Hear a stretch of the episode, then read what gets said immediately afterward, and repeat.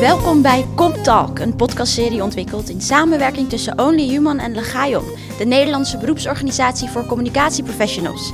In deze vijfdelige serie bespreken we communicatievraagstukken van links naar rechts met interessante sprekers die ieder vanuit hun eigen perspectief proberen meerwaarde te bieden aan de discussie.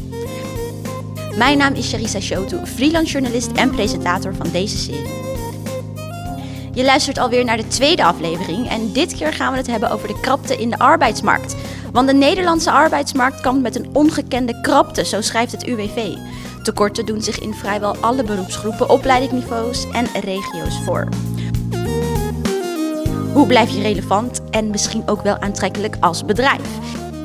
Ik ga het erover hebben met Kirsten de Roo, schrijver van het boek Personeelstekort begint bij jezelf en Martin Staats, directeur van Humon. Welkom beiden. Dankjewel. Um, we beginnen iedere keer met een stelling. En dat is deze keer uh, het volgende. Als je als bedrijf relevant wil blijven, moet je jezelf zien, strategisch, moet je jezelf zien als de beste voetbalclub van Nederland. De beste voetbalclub? Ik, mijn, mijn, mijn antwoord zou zijn de, de, de, meest interessante voetbalclub. De meest interessante voetbalclub? Ja. Waarom niet de beste? Omdat uh, uh, de, de beste de uitkomst is van het meest interessante zijn. Oké. Uh, op het moment dat je zorgt dat je, dat je uh, uh, nou ja, meteen de, de, de, kant van die werkgeversrol op, zorgt dat je de meest interessante uitdagingen te bieden hebt en dus, dus de meest interessante mensen naar je toe weet te trekken, kunnen die met elkaar het beste resultaat neerzetten. Ja. Maar het feit dat je de beste bent qua resultaten, brengt niet met zich mee dat je de beste mensen aantrekt. Nee, precies. Eens. Ja, ja dat, daar begint het wel mee. Want hè, wanneer ben je de, beste bedrijf, zeg maar. En uiteindelijk mensen kunnen je bedrijf maken of breken. Mm. Dus um, om de beste mensen zeg maar, aan te trekken, zul je inderdaad interessant moeten zijn. Dat mensen zeggen, hé, hey, voor jou wil ik werken. Uh, en voel ik me betrokken om ook echt bij te dragen aan het beste resultaat. Dus okay. het begint daarmee. Ja, dus dan ja. moeten we het niet hebben over de beste voetbalclub, maar de interessantste voetbalclub. Ja. Dat, ja, dat zou ik zeggen. Dat denk ik wel, inderdaad. En hè, wat, wat het meest aantrekkelijk is voor mensen om daar dus ook uh, voor te kiezen. Ja, precies. Nou, daar gaan we straks nog even over door. Um, want ik wil het eerst uh, hebben over je boek, Kirsten. Personeelstekort begint bij jezelf. Kan je ons vertellen waarom je die geschreven hebt? Um, nou, omdat um, er nog zo ontzettend veel kansen zijn voor werkgevers om uh, regie te krijgen over een personeelstekort. Kijk, mm -hmm. tuurlijk zijn er heel veel externe factoren aan te wijzen. Hè, zoals onder andere de vergrijzing hè, wordt als meeste oorzaak genoemd. Er zijn nog ja. een aantal andere oorzaken. Maar er zijn ook nog wel de afgelopen jaren um, maken werkgevers ook wel een beetje een potje van in dat opzicht. Vaak ook niet vanuit uh, onwil. Mm -hmm. um, maar werkgevers zijn zo korte termijn gericht. Vandaag vacature, uh, omdat het heel druk is. Morgen stopt die klant ermee. Dus het is dat die vacature weer hold. Of mm -hmm. we hebben iemand geworven. Um, nou, heel veel tijd en aandacht heeft het gekost. Maar voor inwerken hebben we geen tijd. Dus ik denk dat personeel is heel, heel veel gezien de afgelopen jaren puur alleen als kostenpost. Terwijl ja. je moet het zien als investering, waar mm -hmm. je ook in moet blijven investeren om succesvol te worden en te blijven. En daar liggen nog heel erg veel kansen die nog, uh, ja, die nog veelal onbenut zijn. Ja, want je schreef um, dat bijna een kwart van de MKB'ers s'nachts wakker ligt van het feit dat ze geen mensen kunnen vinden, waardoor de werkdruk enorm toeneemt. Wat, wat betekent dit in de praktijk? Nou ja, in de praktijk betekent dat, um, dat weet je, de, de, de werkdruk stijgt enorm. Hè? Want op het moment als je een tekort aan mensen hebt, mm -hmm. dan automatisch komt dan de werkdruk te liggen bij collega's. Nou, die ervaren heel erg die werkdruk. Dus uh, het ziekteverzuim stijgt daardoor. Hè? Dat ja. merk je ook. Ik bedoel, het ziekteverzuim is de, in de laatste jaren nog nooit zo hoog geweest als nu. Um, maar het is natuurlijk ook wat je ziet gewoon binnen het MKB. Restaurants die, die gaan sluiten omdat ze te weinig personeel hebben. Ja. Winkels die eerder dicht gaan omdat ze te weinig personeel hebben. Nou, je ziet het bij de NS, treinen die uitvallen. Um, dus ze kunnen, gewoon, ze kunnen niet meer de goede services verlenen aan hun cliënten, klanten, inwoners, patiënten, noem maar op. Want het is mm -hmm. natuurlijk in alle branches komt het naar voren. Ja. Waardoor het gewoon een maatschappelijk probleem uh, geworden is. Ja, dus omdat, je, omdat zij personeel blijven zien als kostenpost en niet als investering, hebben we er eigenlijk allemaal wel last van. Ja, in zekere kijk, zin. Door de afgelopen jaren, um, door, door, door het jarenlang op deze manier zo door werkgevers is gekeken naar personeel en heel korte termijn gericht. En niet kijken van hoe kunnen we nou echt uh, effectief investeren in onze mensen vanuit een goed strategisch beleid. Maar alles heel erg korte termijn gericht. Ja, daardoor uh, zitten we nu gewoon met het probleem. Weet je, meegaan met de waan van de dag. Terwijl dat in feite de snelste route is naar personeelstekort. Ja. En hebben we daar nu dus inderdaad allemaal last van. Mm -hmm. Maar gelukkig heb jij dat boek geschreven. en dat is de oplossing. Jij gaat het kijken. Ja, zo zwart-wit is het natuurlijk niet. Maar dan nogmaals, kijk, er zijn ook heel veel andere eh, factoren. Hè. Eh, zoals werk moet ook meer aantrekkelijk worden gemaakt vanuit dat meer werken ook meer beloond moet worden. Hè, vanuit fiscaal gezien. Um, dus daar moet zeker ook wel meer daarnaar worden gekeken. Meer innovatie, technologische ontwikkelingen. Nederland loopt er ook niet zo heel erg voorop. Mhm. Dus daar liggen nog heel veel kansen. Maar tegelijkertijd zijn er nog heel veel andere dingen, wat ik dus aangaf, uh, wat, werk, wat werkgevers wel kunnen doen. Um, en dat is ook broodnodig, want het probleem zal anders alleen maar erger worden. Ja, ja. Martin, wat herken jij van dit verhaal? Uh, veel. Um, Hoewel, ja, ik zit ondertussen even na te denken, met, met name dat uh, probleem van die korte termijn denk ik heel erg speelt in het MKB. Uh, ehm, je ziet denk ik in het grotere bedrijfsleven iets meer de neiging om ook over het lange termijn na te denken. Maar voor een MKB is het gewoon heel lastig. Ik wil ja. ga maar drie jaar vooruit kijken als je, als je weet ik veel, twee maanden later met corona of met uh, een oorlog in Oekraïne te maken hebt. Dan ga je onmiddellijk kijken naar je kostenkant. En in die zin is personeel natuurlijk ook onderdeel van je kostenkant. Mm -hmm. Um, dus dus hij, uh, hij ligt. Ik bedoel, de goede ondernemer is altijd degene die een, een, een evenwicht weet te vinden tussen lange en de korte termijn. En dat is af en toe best, best lastig. En dat is makkelijker in een groter bedrijf dan in een kleiner bedrijf. Maar goed, als ik voor onszelf kijk, ja, wij, wij worstelen met dezelfde problemen. Um, er is sprake van, van een personeelstekort. Overigens is dat voor ons als bemiddelaar ook een zegen, want daarom bestaan we.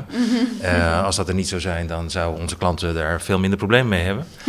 Um, uh, wat niet wegneemt dat uh, die, die lange trend die we nu zien in, in krapte op die arbeidsmarkt. Ehm, brengt wel met zich mee dat zowel wij als onze klanten, onze opdrachtgevers, na moeten denken over de vraag: wat doen we daar nou? Um, ik herken heel erg van wat jij geschreven had over dat we heel met, met elkaar altijd zoeken naar onze topspeler, een kopie van onze topspeler. Dat is ook wat wij bij onze klanten heel erg terugzien. Ik bedoel, als wij ik noem wat, uh, een overeenkomst hebben met, met, met, uh, met een overheidsorganisatie, dan staat daar altijd in van ja, we willen graag ook instroom hebben van mensen die geen ervaring hebben bij ons. Want dan, uh, dat geeft vers bloed. Maar vervolgens degene die de aanvraag bij ons plaatst, die zegt altijd: Ik wil iemand hebben die ervaring heeft in de provincie, het Rijk en enzovoort. Um, en, ja, en, en, en die categorie is natuurlijk op een gegeven moment gewoon heel plat op. Dus als je je niet openstelt voor de vraag: A, kan ik het ook met mensen die een ander profiel hebben, andere competenties hebben, andere uh, samenstellingen hebben, dan wel sta ik open om met elkaar te zoeken hoe we die ervaringscomponent op een andere vorm uh, kunnen gaan gieten. Ja, dan wordt die ingewikkeld. En ja. dat merken we her ja. en der. Ja, het traditioneel denken overheerst ja. nog heel erg. Ja. Um, we inderdaad een vacaturetekst maken, functieprofiel waar mensen aan tegen eisen moeten voldoen. Um, en wat ik ook wel bedoel met, met die korte termijn denken van ja, uh, al heel snel een vacature plaatsen. Terwijl, ja, wat, wat voor potentieel heb je al in huis? Weet je, welke mensen kun je ontwikkelen? Welke mensen kun je mee laten groeien met je bedrijfsdoelen? In plaats van vacature te plaatsen en te denken, oh ja, Pietje gaat weg, oh die deed het zo goed. Die, ja, die kopie, ja. zo'n kopie willen we hebben. Ja tussentijds worden vaak nog wel eens profielen veranderd. Dan denk ik, oh nee, we moeten toch, want we krijgen een ander soort klant binnen. Dus mm-hmm. iemand moet toch weer uh, daaraan voldoen. Dus het is te weinig nadenken over, ja, weet je, wie zijn we nou als bedrijf? Waar staan we voor? Uh, en wat betekent dat voor de mensen die we gezamenlijk nodig hebben om succesvol te zijn? Ja. Waarbij mensen elkaar aanvullen. Er wordt nog heel erg gehangen aan, aan functies. Um, en waarbij je dan automatisch vaak terechtkomt, uh, het schaap met de vijf poten, hè, wel bekend. Nou ja, of, of, of aan hele formele eisen. Ik noem wat, we, we, komen nog steeds tegen dat er een HBO of een WO-diploma wordt gevraagd. Ja. Terwijl je natuurlijk al veel langer bezig bent met na te denken over HBO, WO-niveau. Ja. ja. Zolang je dat soort van, van, van uh, ja, moet je zeggen, vormen niet los kunt laten, ja, dan wordt de wereld wel behoorlijk ingewikkeld. Ja, maar, maar hoe laat je zoiets los dan? Want ik, het is natuurlijk ook iets wat al zoveel jaren ingebakken is. Ja, ja, uh, uiteindelijk, uh, uh, hoe heet zoiets, keert er wel het schip wel. als er geen mensen zijn, dan, dan zul je op een gegeven moment wel moeten. Maar ja. zeker in de wereld waarin wij werken, heb je heel vaak te maken met bijvoorbeeld raamovereenkomsten die worden opgesteld door een afdeling inkoop. Uh, en, en de HR-afdeling weet heel goed ondertussen dat je op een andere manier moet nadenken. Maar die afdeling inkoop, die stelt de, de, de voorwaarden voor die raamovereenkomst op. Weet je, daar, daar zit ook nog steeds spanning in, uh, wat je moet zien op te lossen. Ehm, tegelijkertijd, ook uh, hand in eigen boezem, wij zoeken zelf natuurlijk ook voortdurend nieuwe mensen binnen onze eigen organisatie. En ook daar betrap ik onszelf er ook wel eens op dat we het schaap met die vijf poten zoeken. Of dat je weer teruggrijpt op nou ja, het profiel wat je al had. Terwijl je na kunt denken over de vraag van ja, kan ik het ook niet op een andere manier insteken? Ja, ja het is ook wel een bepaalde angst hè, wat erachter zit. Ja, het is volgens mij heel menselijk, denk ik. Ja, ja. kijk, ik, het is, um, kijk, we hebben allemaal vooroordelen en we doen allemaal aannames uh, en we kijken allemaal op een bepaalde manier naar andere mensen. En dat nemen we ook mee in hoe we mensen kiezen. Mm. Um, en daar begint ook wel die bewustwording van wat maakt nou dat je zoveel waarde hecht aan die schaap met de vijf poten. In feite ben je op zoek naar zekerheid en is het een soort van een beetje koudwatervrees van maar wat als ik nou kies voor een ander type persoon die misschien heel anders is dan ik, maar wel eigenlijk een hele goede aanvulling uh, is. Maar daarvoor moet je wel ook je eigen vooroordelen onder de loep durven te nemen en ook echt durven te kijken, maar wat hebben we nou daadwerkelijk nodig in plaats van wat we vinden dat nodig is. Want dat zijn twee verschillende dingen. Ja. Um, ja, en ik denk, die reflectie ontbreekt uh, vaak. Ja, we zijn allemaal natuurlijk voor verandering, behalve bij onszelf. Ja. Uh, dus daar zit natuurlijk ook een, een, een, een, deel, een deel van het probleem. Maar ik heb, ik heb in een ander interview ook wel eens gezegd... Van, uh, ik ben voor onszelf van overtuigd dat, dat een beetje refererend ook aan jouw beginstelling... je kunt alleen maar succesvol zijn als de mensen die met jou werken ook lol hebben in wat ze aan het doen zijn. En het succes van het bedrijf wordt alleen maar gemaakt door de mensen die daar werken. En werven begint, wat mij betreft, uh, bij zorgen dat mensen het leuk vinden bij je en ook bij je blijven. Want je kunt wel van alles nog wat proberen binnen te fietsen. Ja. Maar op het moment dat het even hard aan de achterdeur er weer uitgaat, dat schiet niet echt op. Yes, daar gaan we het zo nog uh, heel even over hebben. Want ik wilde even over een eigen vooroordeel wilde ik het hebben, Martin. Ja. Um, mijn vooroordeel dat directeuren eigenlijk heel veel administratieve taken hebben. Maar ik heb het gevoel dat jij heel veel in de praktijk doet. Of zeg ik dat verkeerd? Laat ik zo zeggen, in de praktijk is het een zoektocht tussen, naar een evenwicht tussen, tussen die twee. Oké. Okay. Uh, hoe zou ik het zeggen? Naarmate een bedrijf groter wordt, ja, heb je simpelweg meer met structuren en vergaderen en dat soort uh, gedoe te maken. Mm -hmm. maar je moet wel voeling houden met wat er in de praktijk gebeurt. Want de, de referentie naar, dit, naar het onderwerp hier. Um, als je aantrekkelijk wilt blijven voor de juiste mensen, moet je ook wel het boegbeeld van de club dat uitstralen. Uh, en vandaar dat, dat, dat ik ook graag aan dit soort dingen meedoe om duidelijk te maken van ja, wij zijn met elkaar bezig een, een mooie organisatie neer te zetten. Uh, en die brengt helaas allerlei administratief gereutel met zich mee. ja. uh, maar los daarvan gaat het er vooral om dat je een aantal mensen bij elkaar brengt die mooie dingen doen. Mm. en dat willen we wel heel erg blijven benadrukken. Ja, en dat heeft ook te maken met een mindset. En daar schrijf jij dan weer over in het boek. Van uh, personeelstekort begint bij de werkgever zelf. Ze hebben een andere mindset nodig. Ja. Welke mindset is dat? Nou, dat is eigenlijk waar, waar ik mee begon. Van, ja, hoe kijk je naar mensen? Mm. Zie je ze puur en alleen als kostenpost, die elke maand uh, salaris kosten. Wat natuurlijk ook zo is. Mm -hmm. hè? Ik mhm. bedoel, ze kosten geld. Alleen durf je verder te kijken. Zie je mensen ook die um, de belangrijkste succesfactor zijn voor je bedrijf, die wat ervoor zorgt of je succesvol bent en blijft of niet. Mhm. En durf je dan ook in te investeren. Um, en dat is een heel groot verschil. Kijk, als ik wel eens een ondernemer spreek die zegt van nou weet je, het popje op de juiste plek. En zodra het even minder gaat, um, ja, ontslaan ze meteen mensen. Um, waarbij het dus heel korte termijn gericht is. Uh, in plaats van vooruitkijken van ja, ik ga ze nu ontslaan. Maar voor, als, als twee maanden later weer een nieuwe klant is, dan zul je ze ook moeten gaan werven. Maar als je ja. continu zit alleen maar op die kosten, en je ziet het ook zo, ja, dan, um, dan zal je ook nooit in slagen om de juiste mensen om je heen te krijgen en, en te behouden om succesvol te zijn. Dan mhm. is het heel uh, ad hoc gericht Um, terwijl als je denkt van nee, ik heb de juiste mensen nodig en dan blijf ik investeren. En ook al gaat het wat minder goed, straks heb ik ze weer nodig. Dus ik zorg ervoor dat ik samen bind, um, zodat we straks weer verder kunnen. Hè, Vanuit onze organisatiedoelstellingen. Um, en dat je ook ziet van ja, ik heb niet alleen maar de juiste mensen nodig nu, maar ik zal ze ook verder door moeten ontwikkelen. Om mee mhm. te kunnen groeien met hè, de wereld verandert snel, technologische ontwikkelingen. Ja. Dus dat je daar ook in durft te investeren. In plaats van dat je puur alleen kijkt, wat levert het me nu op of wat kost het me nu? Mm Maar dat je ook kijkt, oké, okay, waar gaan we naartoe groeien? En wat, wat, wat, um, wat kost het me als ik nu niet investeer in mijn mensen? Of wat levert het op als ik het dus wel doe? Ja. Dat is net zoals met een, um, het bijvoorbeeld fatsoenlijk inwerken van, van mensen. Dat er uh, allerlei campagnes uit de kas worden getrokken om mensen te werven. En dan zijn ze begonnen uh, en dan worden ze vaak aan een lot overgelaten. Als je dan puur kijkt van ja, maar het is nu druk, dus we hebben al zo lang op die persoon moeten wachten. Dus uh, ga met die banaan. Uh, waarbij de kans dan groot is dat mensen gaan zwemmen en na een paar maanden denken, ja weet je, ik, ik ben weer weg. Want ze zijn dan wel aangenomen, maar ze moeten ook nog ingewerkt worden en ja, bepaalde betrokkenheid creëren.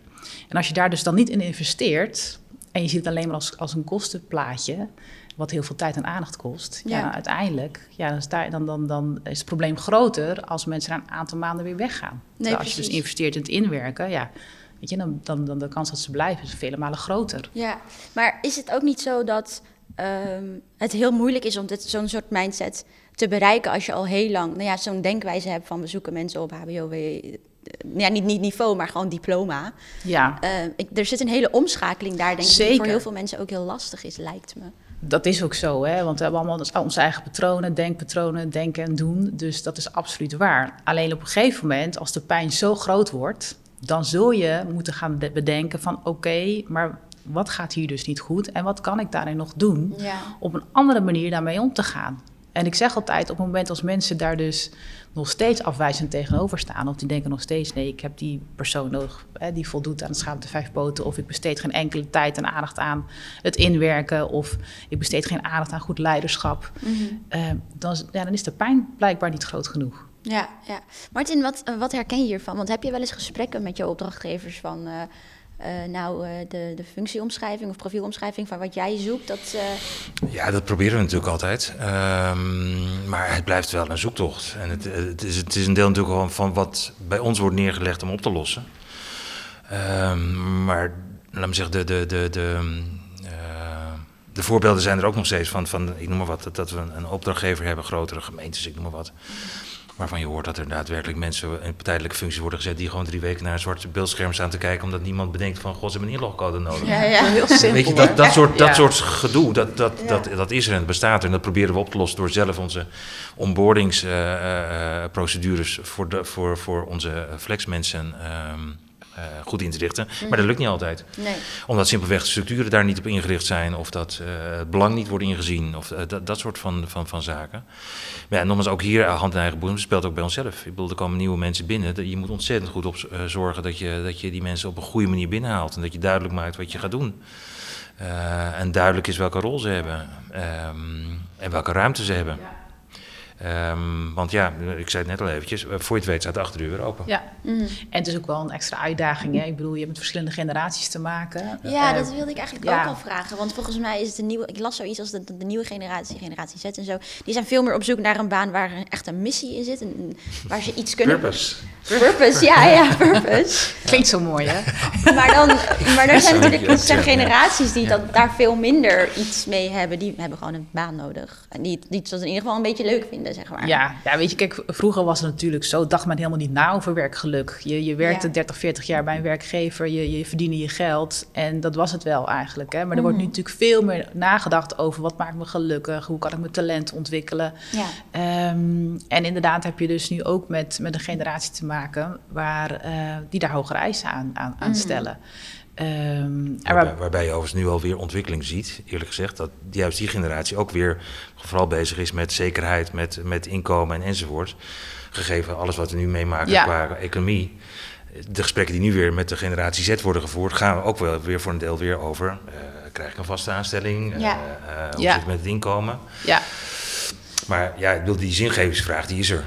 Ja, ja, die is er wel. Wat soms ook wel Absoluut, die is er zeker, maar er zit wel verschil in. Weet je, het is soms ook een beetje vanuit de media. Dat, eh, mm Laatst las ik ook wel dat, dat, dat er steeds meer bedrijven worden gecanceld die dan niet duurzaam genoeg zouden zijn. Ja, ja omdat het dan, hè, want hoe fijn is het om op een feestje te kunnen zeggen dat je bij een duurzaam bedrijf werkt? Ja, dan is het meer politiek correct, correctheid en dan dat het een echt een intrinsieke behoefte is, uh, zeg mhm. maar. Dus, um, maar wat wel speelt is, ja, weet je, mensen willen zich blijven ontwikkelen vanuit die mhm. generaties. Uh, ze, ze, zijn allergisch voor saaiheid in hun belevingen. En ik denk ook wel dat je daar verwachtingen moet bijstellen van ja, um, in hoeverre is het nog reëel dat je mensen bijvoorbeeld voor minimaal vijf jaar wil binden. Mm. Kijk, als jij mensen uh, bepaalde mogelijkheden kunt bieden voor ontwikkeling, nou, dan is dat wellicht echt wel reëel. Maar als je dat niet kan, ja, dan moet je ook je verwachtingen bijstellen dat mensen misschien na twee, drie jaar weer weg zijn. Dus het is ook wel daarin ook weer vanuit traditioneel denken. Ja, wat is je verwachting in het behouden van mensen? En wat zijn de mogelijkheden daarin? Ja. Het gaat er vooral om dat je denk ik ook van toegevoegde waarde moet zijn voor elkaar. Ja, precies. En als het nou voor drie jaar is of voor tien jaar, ehm, ja, het belangrijkste is dat, het, ja, dat je iets voor elkaar echt kunt betekenen in plaats van dat je per se tien jaar voor elkaar uh, moet werken, zeg maar. Ja. En Martin, is dat iets wat jij ook terugziet? Want zeg je wel eens tegen bedrijven van, nou, misschien moeten jullie je purpose aanpassen? Nou, ja, nou, wij, wij werken vooral, in, of eigenlijk alleen maar in de publieke sector. Hmm. Dus daar... zit wel goed. Nou ja, in die zin dat wij ook merken dat heel veel kandidaten zich juist bij ons melden, omdat we in de publieke sector mer, uh, werken. En heel veel mensen willen een maatschappelijke betrokkenheid zien in wat ze aan het doen zijn. Dus dat, dat, dat zien we ook daadwerkelijk wel terug. Uh, maar wat wij ook terugzien, inderdaad, de, vooral de, de vraag naar ontwikkeling. Hoe, hoe, hoe past dit wat ik nu ga doen, of de vraag die je voor hebt gelegd, of de, de, de, de klus die, die voor ligt, past dat in mijn ontwikkelingspatroon? Daar zijn we heel erg keen op, om te zorgen uh, dat we mensen met hen laten praten die daar goed antwoord op kunnen geven. Um, en het komt ook vaak voor dat we, of vaak geregeld voor, dat we tegen mensen zeggen van, nou, deze opdracht moet je eigenlijk niet gaan doen, want het is in je, de lijn die, waarin jij je wil ontwikkelen niet het beste. Ja. Um, en wat ook voorkomt is dat wij. Uh, kijk, het liefst willen wij een levenslange relatie met mensen aangaan. Dat is iets anders dan dat ze hun leven lang voortdurend bij ons moeten werken. Ja. Of voor ons moeten werken. Dus uh, wat, we, wat we graag zien, of, of wat we, uh, is dat iemand ook tijdelijk een opdracht voor een ander bureau doet. Of bij een andere opdrachtgever. Of daar in dienst gaat. Als hij maar op een gegeven moment weer, weer bij ons terugkomt. Ja. Zodat wij met elkaar kunnen bepalen van, goh, hoe ontwikkel jij nou optimaal? En daar waar wij die op de ontwikkelingskans niet kunnen bieden, ja, dan is het goed om dat tijdelijk even ergens anders te doen. En dan proberen we het zo in te richten dat ze weer bij ons terugkomen op het moment dat het weer past. Ja, ik zat, uh, zat al te denken van toen ik dit aan het opzoeken was en aan het researchen was voordat we dit, voor deze, dit gesprek zouden gaan hebben. Toen kwam ik heel veel grafieken tegen en cijfertjes tegen over krapte op de arbeidsmarkt, personeelskort, et cetera, et cetera. Nu gaat het nu eigenlijk al de hele tijd heel erg over mensen. Wat natuurlijk heel fijn is, want het gaat uiteindelijk over mensen. En uh, Martin, jouw bio op uh, de site van Human staat... mensen maken organisaties, mensen komen tot de beste resultaten... als ze plezier beleven en worden gewaardeerd. En wanneer ze worden uitgedaagd, de lat voor zichzelf telkens iets hoger leggen. Zo ontstaat ruimte om door te groeien. Hij heeft het wel, hij heeft het wel begrepen, hè? Ja, ja. ja. dat, klinkt, dat klinkt in wel goed. Ja, dat klinkt heel goed. Ja. Nee, maar het gaat inderdaad gewoon veel meer over mensen dan de grafieken en de cijfertjes. Jawel, maar ik bedoel, zoals alles in het leven... Uh, uh, zit, zit wel een samenhang. Er is ook ja. wel gewoon simpelweg sprake van een tekort aan mensen. Uh, uh, en dat is niet alleen maar een, een, een beleefd uh, of een ervaren tekort. Er is gewoon objectief een tekort aan mensen. Ik bedoel, neem, neem een, de, de MKB waar al eerder sprake van was groei uh, komt voort uit ook groei in, in, in in kunnen zetten van mensen. Onze arbeidsproductiviteit neemt minder snel toe dan de gewenste uh, economische groei. Dus dat moet je realiseren met meer mensen. Als die mensen er niet zijn. Ja. Moet je, nou ja, die vraagstuk, dat vraagstuk doet zich natuurlijk ook wel voor. Uh, gaan we wel of niet proberen mensen hier naartoe te halen? Ehm, ik denk eerlijk gezegd zelf dat dat nodig is en dat we daar verstandig aan doen. Uh, maar wat we ook moeten doen is de vraag van... heb je altijd hetzelfde type mensen nodig... of kun je wat met het potentieel wat nog langs de kant staat? Ja. Uh, hè, en er komt elke keer weer langs van... ja, we hebben nog een miljoen mensen die nog in de bak zitten en enzovoorts. Ja, dat is reuze boeiend, maar dat is voor een deel... Mm, zijn dat mensen die helemaal niet willen. Het zijn mensen die... Uh, andere competenties hebben dan op dit moment gevraagd worden. Um, wat niet wil zeggen dat je die mensen terzijde moet schuiven, maar dat vergt heel veel tijd, aandacht, inzet van mensen en middelen om die mensen beschikbaar te maken. Dus ja, uh, grafieken zijn wel relevant in de zin van hoe ga je om met die objectieve tekorten. Ja. Uh, en het enige wat ik erbij zeg is van het helpt niet om heel lang naar die grafieken te blijven staren en te zeggen van ja, goh, we hebben een tekort. Nee, ja, we hebben een tekort. Nou, wat ga je eraan doen? En dat eraan doen, dat is voor een deel wat je als werkgever kunt voor een deel eerlijk gezegd ook wat je als, als, als werknemer kunt. Want je kunt ook nadenken over de manier waarop je jezelf ontwikkelt. En er zit een politiek vraagstuk nog achter. Ik bedoel, uh, wat doen we met ZZP'ers? Wat doen we met instroom van, van of tenminste gewenste of ongewenste instroom van mensen van buiten Nederland? Ja, ja. ja en, ook, en, ook, technologische ontwikkelingen, weet je, qua, qua innovatie. Uh, ook in, in de zorg bijvoorbeeld. Ik, had, ik heb uh, um, ook Fabian Dekker geïnterviewd voor mijn boek en die gaf ook aan van, ja, weet je, uh, je kunt ook met robotarmen werken in de zorg. Weet je, bijvoorbeeld om mensen te wassen. En uh, dus hij zei van, ja, dat kan misschien heel um, nou, onmenselijk voelen. Aan de andere kant, het voorkomt ook dat mensen zich bijvoorbeeld schamen Hè, dat ze dan, eh, en het, het kan qua, qua belastbaarheid, eh, verlaag je die wel binnen de zorg. Dus er is het ook nog wel veel kansen in binnen de technologische eh, ontwikkelingen. Ja. dat je ook minder mensen nodig hebt. En ik denk ook wel dat het goed is om te kijken van ja, de mensen die aan de kant zitten, ja, wie kunnen werken en wie niet. Want inderdaad, niet, alle, niet allemaal die, die aan de kant uh, zijn, uh, die kunnen werken. Um, tegelijkertijd moet je denk ik ook goed kijken, de mensen die dan, hè, arbeidsmigranten, wat is dan ook echt waardevol? Want je hebt natuurlijk een grotere problematiek in Nederland. Hè? Ik bedoel, qua huisvesting. Precies, uh, ja, daar ja, dacht ik ook al aan inderdaad. Precies, weet je. Dus er wordt heel makkelijk gezegd van, ja, haal die mensen maar hier naartoe. En dan hebben we het voor een groot deel opgelost. Maar ja, waar moeten die mensen wonen? Ja. Hè? Dus dat is al met alle sociale problematieken als ter gevolg. Dus het is gewoon een complex vraagstuk uh, wat dat betreft. Maar wat je zegt, je moet wel goed kijken vanuit de objectieve cijfertjes. Van ja, wat zijn dan de mogelijkheden? Um, en dat is ook een heel politiek vraagstuk wat er nog achter ligt. Um, waar ze nu langzamerhand eindelijk mee aan de slag gaan. Maar ook dat is iets, als je het hebt over korte termijn en lange termijn. Dat is iets natuurlijk wat al jaren speelt. En wat ook mm -hmm. nooit enige aandacht heeft gekregen. En wat nu nou ja, enige aandacht begint te krijgen. Ja, ja, ja, ik vind het grappig hoe we begonnen met we gaan het oplossen en dat we nu eigenlijk nog dieper in de shit zitten. Ja. ik heb het gevoel dat het heel positief begon allemaal. Maar goed, maakt niet uit. Positief is dat er nog wel absoluut dingen zijn die de werkgever zelf kan doen. Want daar ja. zit natuurlijk ook heel veel kansen. Ja. Nee, dat is ook zo. Dat is ook zo. Ja, nee, waar ik mee begon uh, al te zeggen, ik bedoel, het feit dat er krapte is, is voor ons uh, uh, alleen ja. maar prettig. ik ben heel blij dat je dit weer. Ja. Want, wij, want wij bestaan daar, daarom en daardoor. maar je hebt, je hebt in, in, die hele economie heb je natuurlijk altijd te maken met omveld. Ik bedoel, je hebt te maken met allerlei actoren die daarin actief zijn. Mm. Dus van daaruit schets ik even een iets complexer beeld dan alleen maar te zeggen van als werkgever kun je van alles. Dat is ook zo. Ja. Uh, op jouw eigen kleine gebied. Maar als je het meer, meer macro bekijkt, van is er een tekort? Ja, er is een tekort. Mm -hmm. En daar moet je wat mee. Ja, ja. nee, ik, ben, uh, ik, ik, vind het goed dat we er zo inhoudelijk op ingaan in ieder geval. Het is, dus, nou, het is meer dan alleen de oppervlakte natuurlijk. Het is een complex iets. Ja, ja dat is ook zo. Um, en daar zijn we hier voor. Uh, in, in, in, in jouw boek staat ook uh, dat veel bedrijven hun wervings- en selectiestrategie niet op orde hebben. daar zijn jullie, Martin, dan weer specialist in.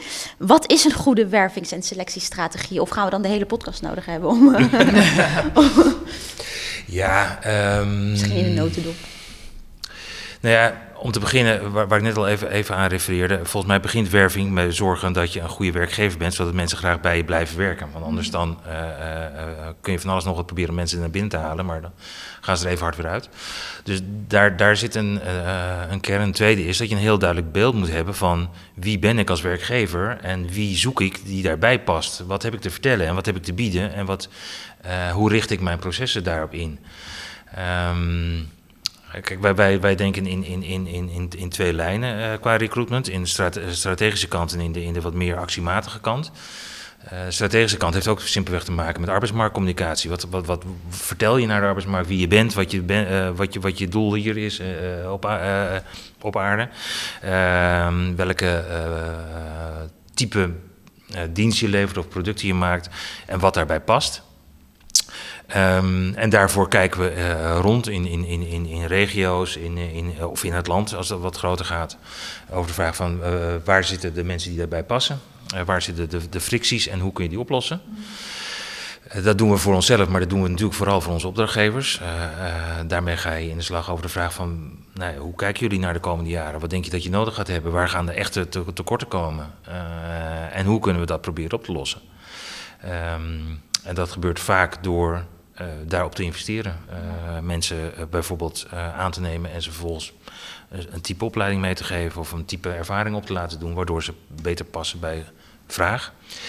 Nou, en de tweede actiematige kant is natuurlijk veel meer. er is nu een aanvraag um, voor een bepaalde kandidaat en die hebben we even niet in bestand zitten. Hoe gaan we eraan komen? Nou ja, dan trek je de hele arsenaal open qua socials, qua wat er ja. allemaal beschikbaar is. Dat is meer de uh, old-fashioned uh, praktische kant. Mm -hmm, De meer strategische kant, ja, dat, dat is natuurlijk waarin wij bij uitstek onze, onze meerwaarde laten zien.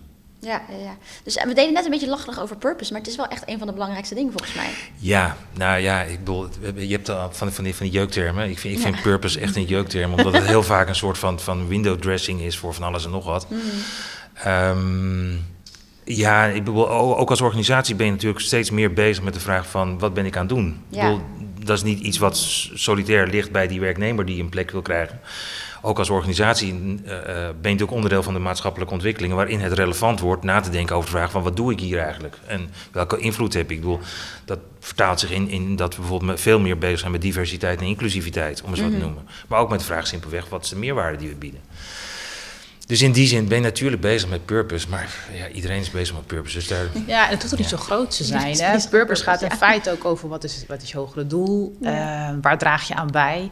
En het kan ook heel simpel vertaald worden. Zeker als je ehm, ja, mensen ook, mensen willen wel graag ergens aan bijdragen. Weet je, waar, waar kan ik in van betekenis zijn? Mhm. En als je bijvoorbeeld simpel kijkt naar de horeca, weet je, dan eh, een horecamedewerker die eh, drankjes serveert, Ja. vertaal je dan van ja, je zorgt ervoor dat mensen eh, bij jou kunnen ontspannen en kunnen genieten van een drankje samen met familie of vrienden. Dat is een hele andere beleving. Ja, Of vanuit een vuilnisman die niet ehm het vuilnis op, op, eh, ophaalt in de stad, Mhm. maar zorgt ervoor dat de stad schoon blijft. ja, precies. Weet je, het zijn van die simpele dingen van waar, wat je wel naar een ander niveau kan vertalen vanuit het hogere doel, zeg maar, waar mensen dan ook aan bijdragen vanuit, het, eh, ja, vanuit de purpose-gedachte. Ja, Ehm, dus ik denk dat dat, ehm, want er wordt, ja, weet je, er wordt vaak heel groots gemaakt, maar weet je, elk bedrijf heeft wel een bepaalde purpose. ja, precies. Maar die heb je natuurlijk ook weer nodig om relevant te blijven. Dus uiteindelijk is het een soort van cirkel waar je toch Ja. weer... Ja, en, ook, en, dat, en dat kun je natuurlijk wel ook gebruiken ook in, in je werving, waarbij, hè, wat jij ook zegt, het moet wel geloofwaardig zijn. Hè? Het Mm. moet geen window dressing zijn van, oh ja, de, we, we, we hebben de mooiste marketingcampagnes en we zeggen van alles, alleen van binnen merk je er helemaal niks van. Ja, dan heb je het ook zo, eh, dan gaan mensen ook wel heel snel weer weg. Maar uiteindelijk gaat het erom dat je bijvoorbeeld ook vanuit die purpose continu werkt aan je zichtbaarheid. Dat mensen je bedrijf willen leren kennen. Weet je, waar sta je voor? Wie ben je? Eh, wat is je cultuur? Ehm, weet je wat, ik, ik zeg ook, als mensen je bedrijf niet kennen, kunnen ze ook niet voor je kiezen. Dus dat, ook dat is een langetermijn strategie. Ja. Dat je continu moet werken aan, aan je zichtbaarheid en je profilering. In plaats van alleen af en toe een nieuwsbrief eruit of af en toe een filmpje op social media. Ja, Of een vacature. Ja. Ja, dat is gewoon te weinig. Ja, ja, want wat zou jij dan anders doen?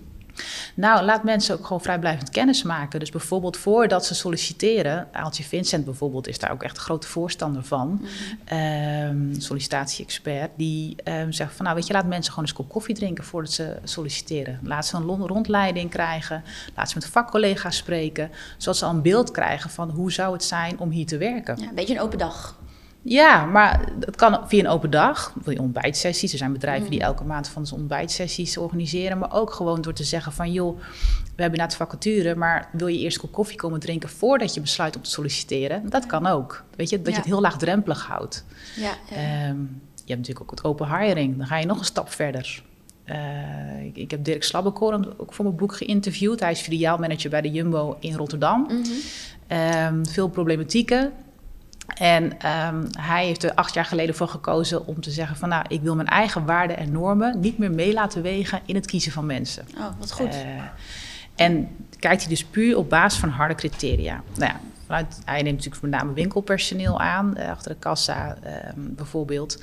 Ehm, en heeft gezegd van nou, ik, ik ga mensen aannemen die, ehm, die kunnen zichzelf aanmelden voor zeg maar eh, op, op een lijst te gaan, Mhm. gaan zetten. En als ik een vacature heb, degene die bovenaan staat, die neem ik aan.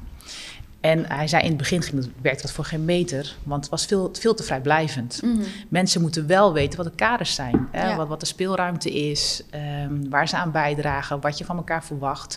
Dus hij heeft zijn hele proces daarop ingericht door te zeggen van nou oké, welkom, hè, ik neem, ik neem je aan, we leren elkaar kennen, in eerste instantie van mens tot mens. En vervolgens is hij heel duidelijk, wat kun je van mij verwachten, wat verwacht ik van jou, wat zijn de kaders, zodat mensen ook zelf kunnen beslissen, hey, pas ik hier ja of Mhm. nee. Ja. Feit is dat hij geen last heeft van personeelstekort en mensen met plezier bij hem werken, hè, overal. Mhm. Ehm, maar het vereist ook wel een bepaalde mate van leiderschap. Ja. Ehm, dus ja, dus ik, ik stelde hem ook de vraag, maar hoe doe je dat dan met een, ehm, eh, nou, een, een huisarts bijvoorbeeld? Want Mhm. ja, ja. iemand die geen geneeskunde heeft gedaan, daar zul je Ja. mij niet zo snel nee, zien. precies. Dus hij zegt ook, nee, hij zegt je kijkt echt naar de harde criteria. Dus wat moet iemand minimaal bezitten Mhm. om zijn functie goed te kunnen doen? Nou, in dit geval van de huisarts moet geneeskunde hebben gedaan. Dus dat is ook waar je dus op selecteert. Ja. Maar de rest, alles soft skills en feiten, ja, dat neem je dus niet mee. Uh, want daar neem je te veel je eigen waarden en normen in Ja. mee, zoals hij dat zegt. Maar ja, het- aan de andere kant denk ik, ja, sociaal zijn is op zo'n moment dan ook wel weer iets belangrijks. Wat dan weer valt onder een soft skill, denk ik. Ja, maar hoe beoordeel je dat dan? En Ja. dat, dat zegt hij dus. Mhm. ehm, omdat, ik heel erg, je- omdat je heel erg je eigen waarden en normen meeneemt, ja, wordt het ook op basis van wat je zelf dus beoordeelt. Eh, en ja, is het, verdwijnt die objectiviteit, zoals hij dat zegt. Hè? Dus ehm, ik ben er zelf ook nog niet helemaal over uit. Maar Mhm. ik vind wel iets, bij hem is het dan wel heel duidelijk dat het wel hartstikke goed werkt Ja, eh, voor zijn goed. doelgroep. Ja, precies. Ja. Ja.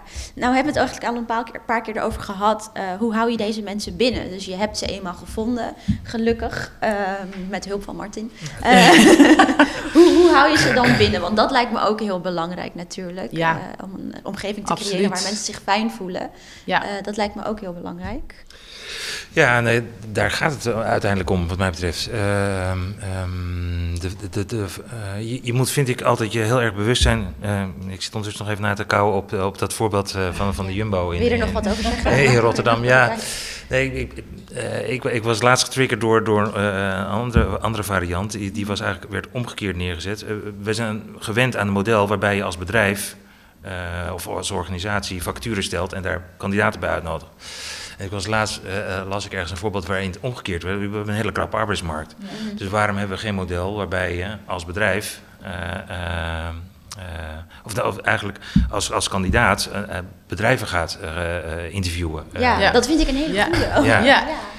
Dat zou, dat zou eigenlijk een hele logische zijn. Ik bedoel, eh, eh, eh, uiteindelijk is hij te, te, te eh, complex, denk ik, om, om echt handen en voeten te geven. Maar als, als gedachte-experiment vind ik dat wel een logische benadering. Ja, maar ik heb voor mijn gevoel in mijn bubbel eh, dat mensen ook wel altijd als zij sollicitaties hebben, toch wel echt vragen voorbereiden van oké, maar dit ga ik aan jou vragen, aan het bedrijf vragen, Ja. want ik wil me hier ook goed voelen. Ja, maar dat is Ja. een beetje wat ik aangaf hè, met het koffiedrinken van tevoren. Ja. Om inderdaad elkaar te leren kennen. Want Ja. uiteindelijk moet een, het is een wederzijdse rela- relatie wat je met elkaar aangaat. Hè? Dus, Ja, ehm, dus dat is absoluut van belang. Ja. Maar goed, jouw, jouw vraag over wat, wat doe je dan eenmaal als mensen binnenkomen en, en Ja. hoe zorg je dat eh, ehm, ehm, eigenlijk imago en identiteit eh, een, een beetje met elkaar in overeenstemming zijn. Ja, ik kan alleen maar voor onszelf spreken eh, hoe, hoe wij de dingen in proberen te richten. En wij, wij hechten heel veel waarde aan de persoonlijke vrijheid die mensen hebben in de invulling van hun rol. Het voorbeeld wat ik er altijd bij geef is, we hebben recruiters, behoorlijk wat recruiters rondlopen. Er zijn heel veel organisaties die bijvoorbeeld afstemmen van, ik noem maar wat, als recruiter mag je een half uur met een kandidaat spreken, want anders haal je je productie niet. Nou, wij gaan er heel erg van uit. Recruiters zijn professionals, eh, die weten veel beter hoe ze hun werk moeten inrichten dan ik dat weet. Dus als ze het nodig vinden om drie uur met een kandidaat te praten, ja. zet hem op. Ehm, maar met die, met die professional maak je afspraken over wat levert het dan vervolgens op. Met andere woorden, ik ga niet voorschrijven hoe lang ze met een kandidaat moeten spreken. Maar we gaan wel met elkaar afspreken van wat je dan, weet ik veel, in een maand of in een kwartaal eh, eh, aan output met elkaar realiseert. En een van de grootste valkuilen met, van met professionals omgaan is de gedachte van dat je helemaal niks met ze moet afspreken. Zo werkt het niet. Mensen hebben behoefte aan afspraken en aan kaders. Maar wel aan respect voor hun eigen professionaliteit en hun eigen inbreng daarin. Dus dat is de ene kant. De andere kant is heel veel persoonlijke aandacht. En heel veel ruimte voor wat er relevant is voor iemand in zijn persoonlijk leven of in, zijn eh, of, of, in de manier waarop hij werk en, en, en privé kan combineren. Ehm, wij hebben bijvoorbeeld bij, bij Human, eh, Human is de groep waaronder Only, Human valt.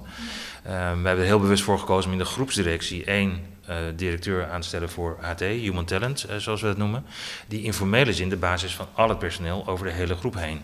Juist om te zorgen dat daar aandacht is voor ontwikkeling, aandacht is voor cultuur in elk bedrijfsonderdeel op dezelfde manier eh, ingevuld.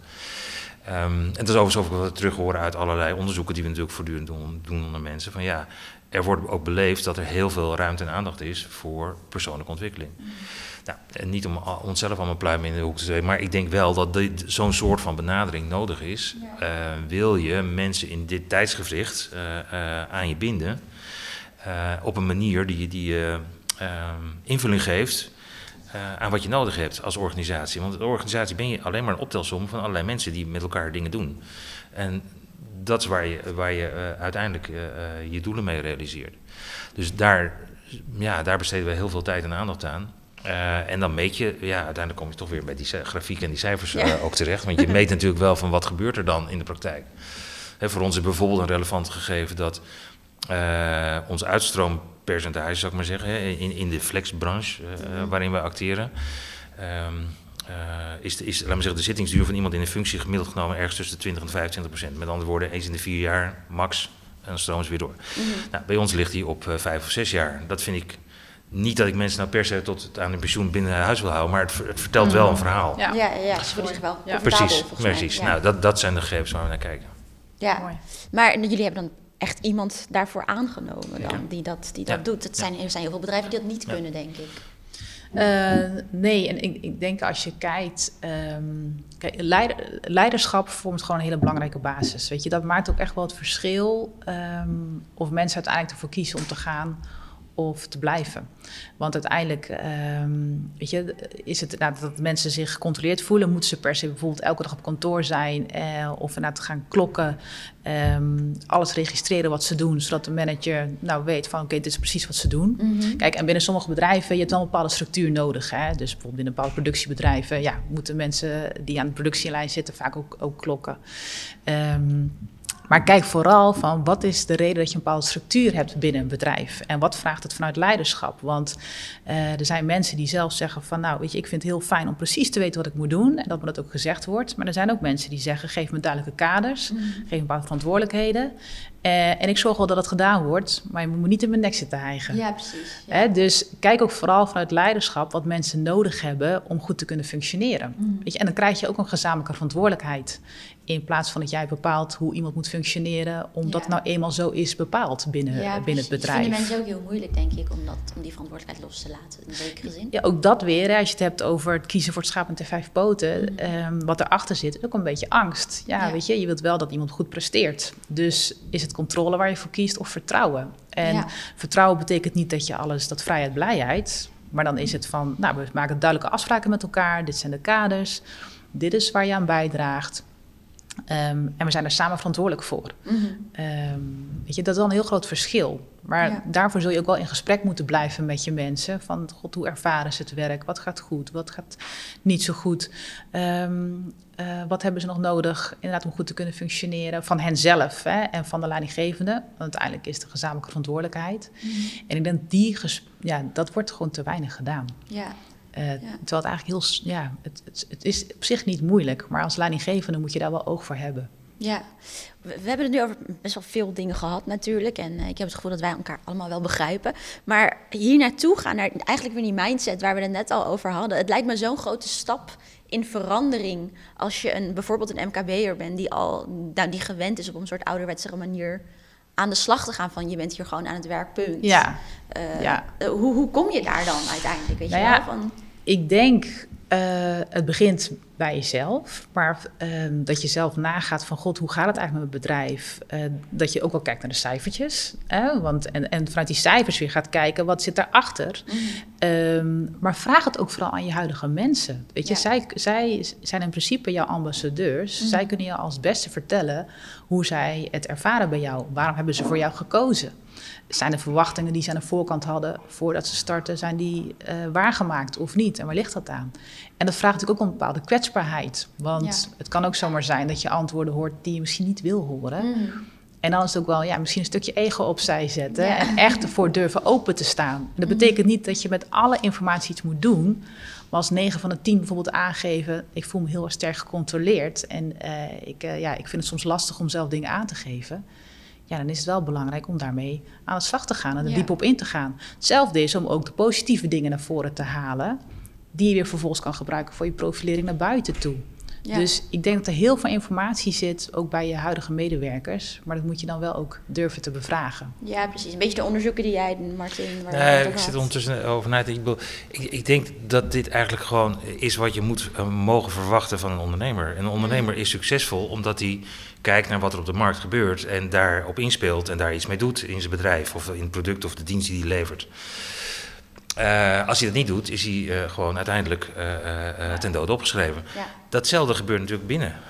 de manier waarop je je bedrijf organiseert. Als je daar niet open staat voor wat er, wat er gebeurt, wat er ontwikkelt, welke kant het op gaat en wat de nieuwe ontwikkelingen zijn, ja, dan ben je uiteindelijk ook ehm, nou ja, ten dode opgeschreven is het de definitieve lid, maar in ieder geval krijg je het in ieder geval niet makkelijker mee.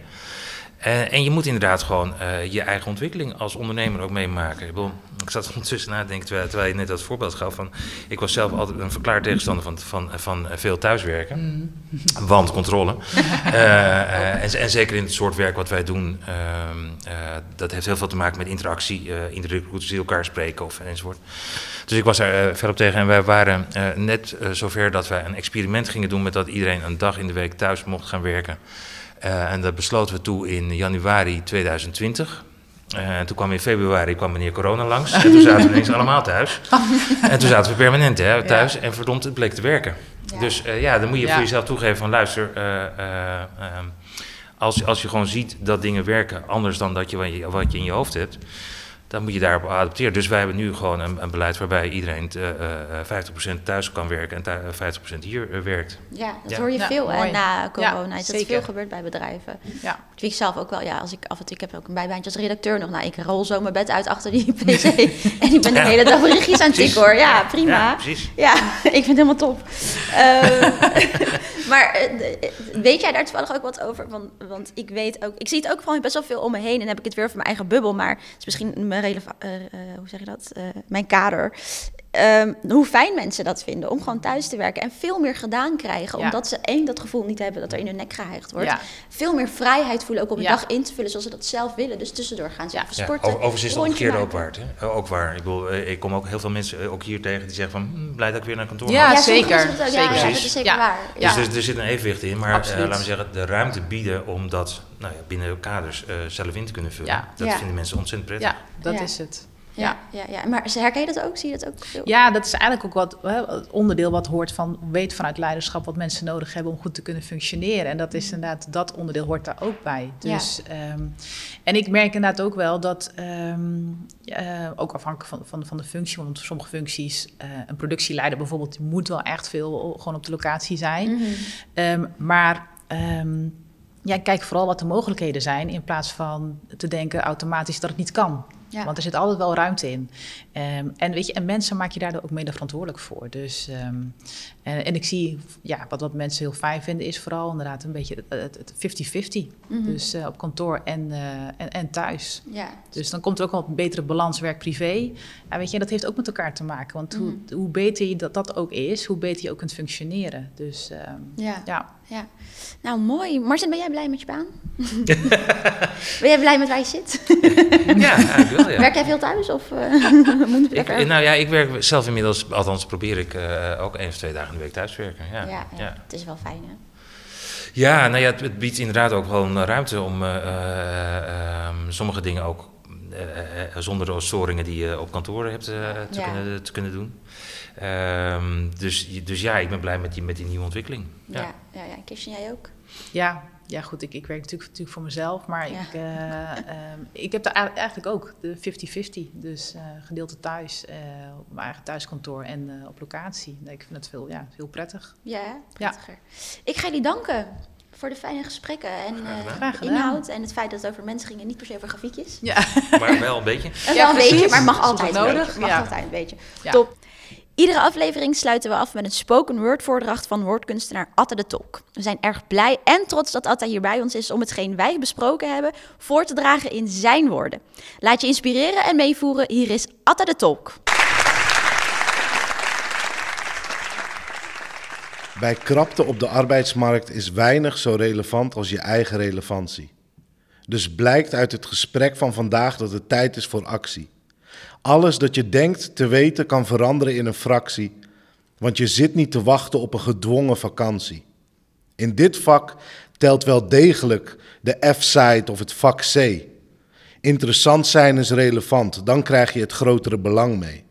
Het grotere plaatje is niet in te vullen met de snelle Polaroid-foto. De kwaliteit moet gerijpt worden in slow-mo. Die korte termijn mindset is een bedreiging van de duurzaamheid. Werkgevers moeten meer investeren in die gewenste werkelijkheid. Een kwart van de MKB is s'nachts wakker omdat ze beperkt zijn. Wat is wijsheid? Hoe design je die sterke lijn? Groot bedrijf en klein bedrijf hebben andere zorgen. Kleine bedrijven vragen zich af: bestaan we nog morgen? Een vers bloed is welkom, maar wordt soms door de concurrentie verorberd. want die hebben rozere wolken om te bezorgen. Dus word je uitgedaagd. Kijk naar je eigen vraag. Wie zijn we als bedrijf en wie heeft dit mede mogelijk gemaakt? Wat voor potentie is er bij hen die, bij al, die al bij ons rondlopen? Krijgt iedereen de juiste taak en workflow of zien we de werkdruk oplopen? Het verzuim stijgt en we verzuimen met andere ogen te kijken naar de ruimte. Durven we diegene met andere blikken te gebruiken? Een blik personeel opentrekken lukt niet. Dus wat zijn de opties? Zie je potentiële succesfactoren? Ondernemer, elk succes kost iets. Dus schrik niet als er iets meer richting de kostenpost vliegt. Want kosten wat kost moeten de teugels los, anders kost het je je kop en kan je als onvruchtbare compost op de post. Purpose heeft sowieso voor deze generatie meer gewicht. Een werkgever maakt geen kans als de baan de missie mist. Het diepere doel dienen geeft een baan status en draagkracht. Al is het soms maar als hot topic voor aandacht op een verjaardag. De mens wil gezien worden. Daar waar dat gebeurt, zijn er minder snel personeelstekorten. Levenslange relaties, zelfs mensen bij andere uitdagingen supporten, is een geweldige manier waardoor lijntjes, fijntjes korter worden en blijven. Sommige industrieën ontmoeten sowieso binnenkort hun noodlot. AI, ChatGPT. De mens is altijd menselijker dan een robot. Dus voor die angsten is het toch nog een beetje te vroeg. Mensen kunnen veel beter dan robots netwerken in de kroeg. Weet je nog, die relevantie? Niet uit het oog verliezen.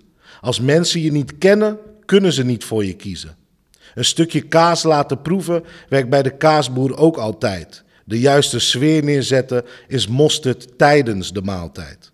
Het warme welkom, de manier hoe je groet beïnvloedt dat geluk ook. Hallo, Jumbo. Zo is ook Martin in staat succesvol te blijven.